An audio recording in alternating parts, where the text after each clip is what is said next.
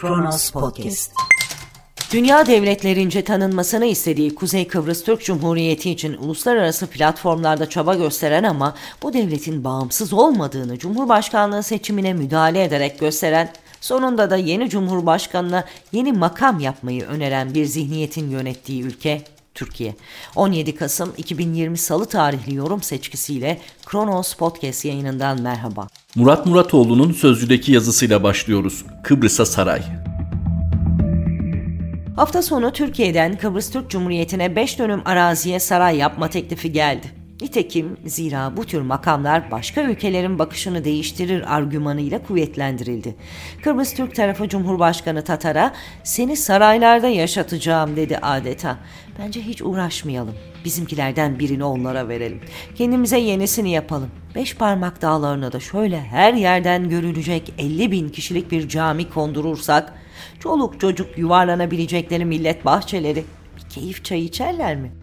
Durmak yok ama Ardından denize yeni bir havalimanı, duble yollar da unutulmamalı. Hasta garantili şehir hastaneleri. Maraş'a da girdi mi TOKİ? Peki bunlar bizi keser mi? Girne Mersin arası 5. Murat Köprüsü. Araç geçiş garantisi. Cebimizden 5 kuruş çıkmadan ödemeler dolar bazında. Kimlerin alacağı zaten belli ama yakışır aramıza. Sevgili Kıbrıslı kardeşlerim, beş dönümü verin, bu iş huzur içinde çözülsün. O saray illa yapılacak oraya. Beton dökmeden olur mu Allah aşkına? Ay efendim 1567 yılında inşa edilen Venedik Burcu üzerinde yer alıyormuş. O efendim siyasi mücadelede simgesel bir öneme sahipmiş. Geçiniz. Zaten ne sığdıracaklarsa 5 dönümcük araziye. Bizde sadece biri tek başına 800 dönüm. Günde 10 milyon lira gibi cüzi bir miktar para yediği iddia ediliyor ama halk bolluk içerisinde dert üstü murat üstü yaşıyor. Millet iş beğenmiyor. En büyük adalet binası, en büyük hastane, en büyük havalimanı. Sonuç acı reçete. Bakın gariban Joe Biden, sözde süper güç Amerika'nın başkanı. Öyle istediği yere saray, istediği yere köşk yaptırırlar mı? Nerede onlarda o bolluk? Çağıralım Kıbrıs Sarayı'na. Alsın yanına İngiliz, Çin, Fransız ve Alman arkadaşlarını da. Gariplerim görsün tasarruf olmayacağını itibarda. Türkiye'ye çağıralım diyeceğim ama fenalaşırlar diye korkuyorum aslında. Sözcüden Murat Muratoğlu'nun satırlarını aktardık. Dünyadayız şimdi de. Kıbrıs'ta parametre değişikliği ve ötesi diyor Zeynep Gürcanlı. Cumhurbaşkanı Erdoğan'ın Kuzey Kıbrıs Türk Cumhuriyeti'nin kuruluş yıl dönümünde adaya yaptığı ziyaret bir devrin sonunu işaret ediyor. 1974'ten bu yana çözüm için federasyon tezini destekleyen Türkiye ilk kez Erdoğan'ın ağzından parametre değiştirdiğini açıkladı. Erdoğan, egemen eşitlik temelinde iki devletli çözümün müzakere edilmesi gerekiyor diyerek federasyondan vazgeçilip konfederasyonun görüşülmesi gerektiğini ifade etti. Bu politika değişikliği aslında Kuzey Kıbrıs Türk Cumhuriyeti'nin kurucu Cumhurbaşkanı Rauf Denktaş'ın politikasına da dönüş anlamına geliyor.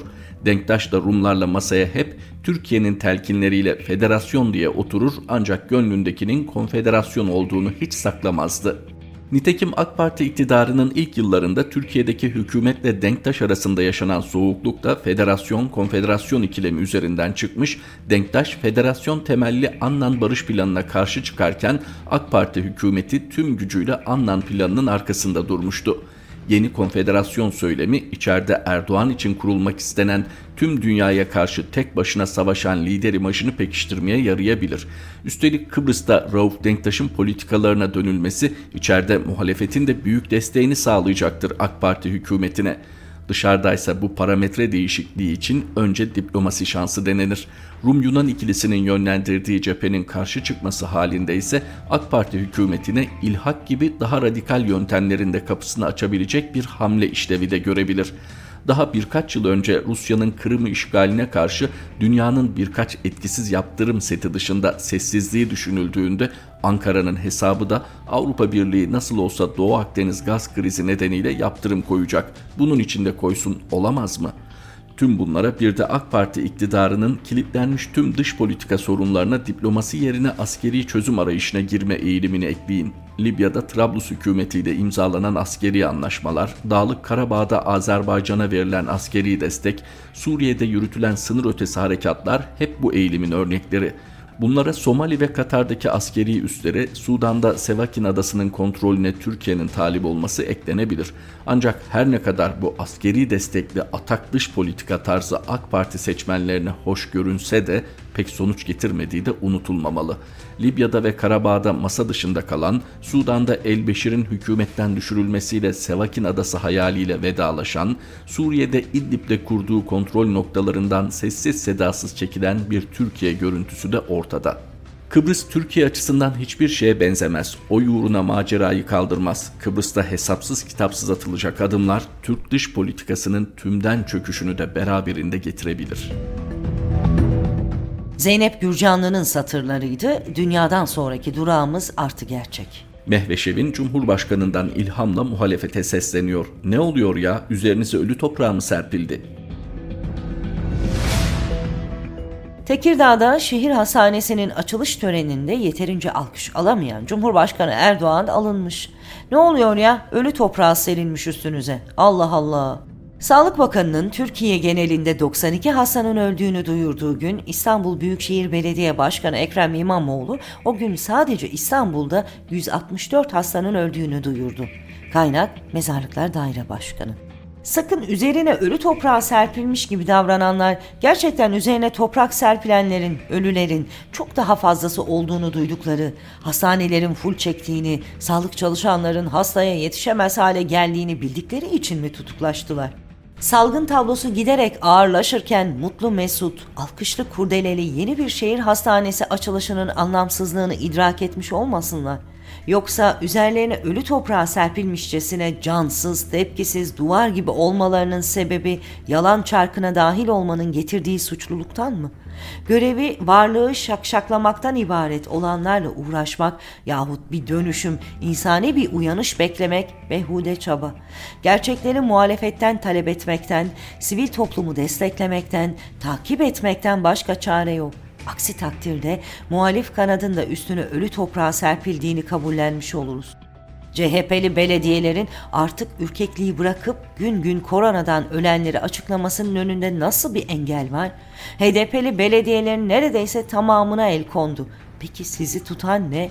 İmamoğlu Büyükşehir Bilim Kurulu'nun İstanbul için 2-3 hafta kapanma önerdiğini de açıkladı.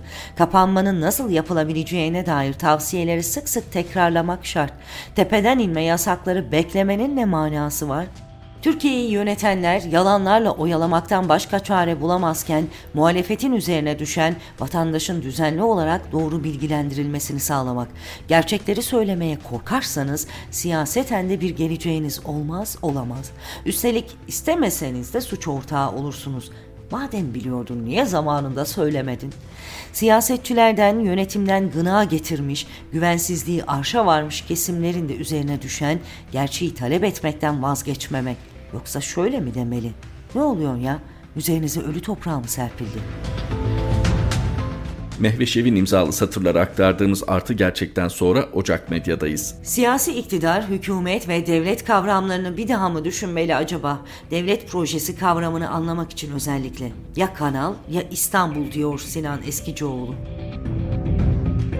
Türkiye yeni bir döneme girmişti. Berat Albayrak'ın istifasıyla yenilikler ardı ardına geldi. Sanki sihirli bir değnek değmiş gibi döviz birden hız kesti. Adalet Bakanı Abdülhamit Gül açıklamasında ilginç şeyler söylüyordu. Asıl olan tutuksuz yargılamadır, tutukluluk istisnadır. Çok ilginç gelişmelerdi. Hepimiz şaşırdık. Sanki yönetime yeni bir parti gelmiş gibiydi öyle değil mi? Tek fark şu bildik cümleyi duymadık. Enkaz devraldık. Diğer bütün demeçler ve yaklaşımlar aynı. Evet yeni bir yönetim daha hazmedemeden bir gelişme oldu ve İstanbul Büyükşehir Belediye Başkanı Ekrem İmamoğlu hakkında soruşturma açıldı. Soruşturmayı açan kurum İçişleri Bakanlığı. Gerekçe idarenin bütünlüğü ilkesine ve hukuka aykırılık. İmamoğlu Kanal İstanbul projesinin bir devlet projesi olmadığını belirtti. Belediyeye ait panolarda da proje karşıtı afişlerin yer alması hukuka aykırı bulundu. Sözü edilen temel demeç yol ayrımında olunduğu ya kanal ya İstanbul. Suçlama şöyle iyi okuyalım. Ya Kanal ya İstanbul şeklinde bir afişle uluslararası hukuk boyutu bulunan, siyasi alana taalluk eden ve devletin egemenlik yetkisine ilişkin bulunan bir konuya kamu kaynağı kullanılarak karşı çıkmanın idarenin bütünlüğü ilkesine ve hukuka aykırı olduğu belirtilerek sorumlular hakkında araştırma gerek görülmesi halinde ön inceleme yapılması hususlarının yer aldığı görülmektedir. Belediye olarak kamu kaynağı kullanılarak böyle bir afişin kullanılması hukuka aykırı. Başta ifade ettim. Yeni bir dönem. Evet, yeni bir dönem. Çünkü eski dönemde belediyeler kamu kaynağı kullanarak AK Parti'nin bütün siyasi söylemlerini yerine getiriyorlardı, öyle değil mi? Bunlar olurken hukuka aykırılık sanırım yoktu. Daha da ilginç olan şey tam da yargıda hukukun tesisi konusundan bahsetmeye başlamıştık ki karşımızda bu soruşturmayı buluverdik. Dikkatimi çeken diğer husussa bu kadar önemli bir proje topluma sunulurken bile siyasi olunması. 17 milyonluk bir şehri ilgilendiren devasa bir proje. Tabir yerindeyse İstanbul'un bölünmesi. Siyasi yönden değil, fiziki açıdan. İstanbul büyük bir kanalla bölünecek. İkinci bir boğaz oluşturulacak ve televizyon kanalları konuyu topluma aktarmak yerine iki farklı görüşün ağız dalaşına çanak tutuyorlar. Kanal İstanbul konuşuluyor ama acıdır ki kanalla ilgili tek bir bilgi yok. İstanbul'a ne kazandıracak ne kaybettirecek. Çevre açısından zararları neler? Kanalın yapılacağı bölgede rant konusu nedir? Osmanlı döneminde de benzer bir proje fikri vardı. Rant söylentisi çıktığı için rafa kaldırıldı. Dikkat buyurun, rant söylentisi oluştu diye. Söylentiyi bırakın, kanal çevresi Katar Emirliği tarafından kapatıldı adeta. Kanal İstanbul mu, Katar İstanbul mu belli değil. Sevgi ve bilgiyle kalın. Sinan Eskicioğlu'nun satırlarıydı. Ocak Medya'dan Independent Türkçe'ye geçiyoruz. Diploma neden gereklidir, nasıl alınır diye soruyor Hakan Gülseven. Belli meslekleri icra edebilmek için belli eğitim kurumlarından diploma almak gerekiyor. Uygulama kesindir. Misal tıp fakültesi bitirmemiş kimse hekimlik yapamaz. Elbette bizde her şeyin sahtesi olabiliyor. Zaman zaman medyaya da yansıyan sahte doktor, sahte diş hekimi vakalarına rastlanıyor. Büyük yazarımız Orhan Kemal'in Müfettişler Müfettişi adlı romanı bu sahtecilik işlerinin bu topraklarda bir gelenek olduğunu gösterse de günümüzde aldığı boyut Cumhuriyet'in geçen yüzyıldaki yıllarıyla karşılaştırılamayacak kadar büyük. Her şeyin sahtesi yaygınlaştı. Aslına bakarsanız sahte üniversite bile var. Bu ciddi sorunu biraz tartışmamız gerekiyor. İktidarın en tepesinden yapılan açıklamaya göre Türkiye'de 8 milyon üniversite öğrencisi var. Hatırlarsınız bu açıklama sadece 2 milyon yüksek öğrenim öğrencisi olan Almanya'dan ne kadar üstün olduğumuzu ifade etmek üzere yapılmıştı. Aslında bu açıklama başlı başına bir soruna işaret ediyor. Hiç abartısız söylüyorum. Amerika Birleşik Devletleri'nin Newport Üniversitesi'nden mezun olduğunu ama orta derecede İngilizce bildiğini özgeçmişinden öğrendiğimiz AKP İstanbul Milletvekili Ahmet Hamdi Çamlı pekala bir üniversiteyi de yönetebilir. Nitekim kendisi daha evvel İzcilik Federasyonu ve Atletizm Federasyonu'nda yöneticilik yaptı. Gerçi atletizm alemimizde dünyada doping skandallarıyla tanınıyor ama olsun. Önemli bir kariyer. Yine diploması konusunda çok sıkıntılı iddialar ortada dolaşan bir eski milli güreşçimiz ve yeni milletvekilimiz bir kamu bankasının yönetimine atanabiliyor. Evet, seviye tam olarak budur. Türkiye'nin temel sorunu da budur. Artık Türkiye'de diploma gerekli değildir. Zaten her yerden de alınabilmektedir. İşte başlıkta sorulan sorunun cevabı böyle. Ve işin daha vahimi son 20 yılda sadece üniversitelerde değil bir bütün olarak kamuda ehliyet ortadan kalkmıştır. Devlet örgütlenmesinde cehalet her kademeye egemen olmuştur. Sahtecilik, intihal, ehliyetsizlik tam bir saadet zinciri gibi tepeden tırnağa her yere sirayet etmiş, mevcut rejimin varlık sebebi haline gelmiştir. İşin acı tarafı cehalet zinciri diye de tabir edebileceğimiz bu fiili durumun parçası haline gelenler kendilerine otomatik bir dokunulmazlık zırhı giyebiliyor. Hukuk zincirden azade değil. Böyle bir ortamda iktisadi düzelme olabilir mi? Senelerce ekonomik plan diye acayip acayip laflar dinledik. O laflara edenlerden biri Sabık Bakan gayri ciddi bir sosyal medya platformu üzerinden yine acayip bir istifa açıklaması yaptı. Bakın burası çok önemli. Ne oldu bizim yitip giden senelerimize? Türkiye'de ekonominin düzelmesi, halkın yarı yarıya düşen yaşam standardının biraz olsun iyileşebilmesi için mevcut cehalet zincirinin kırılması, kamunun baştan aşağı yeniden inşası şarttır. Başkaca bir yol yoktur.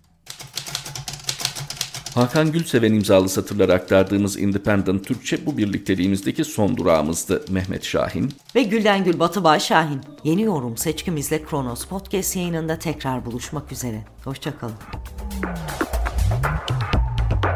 Kronos Podcast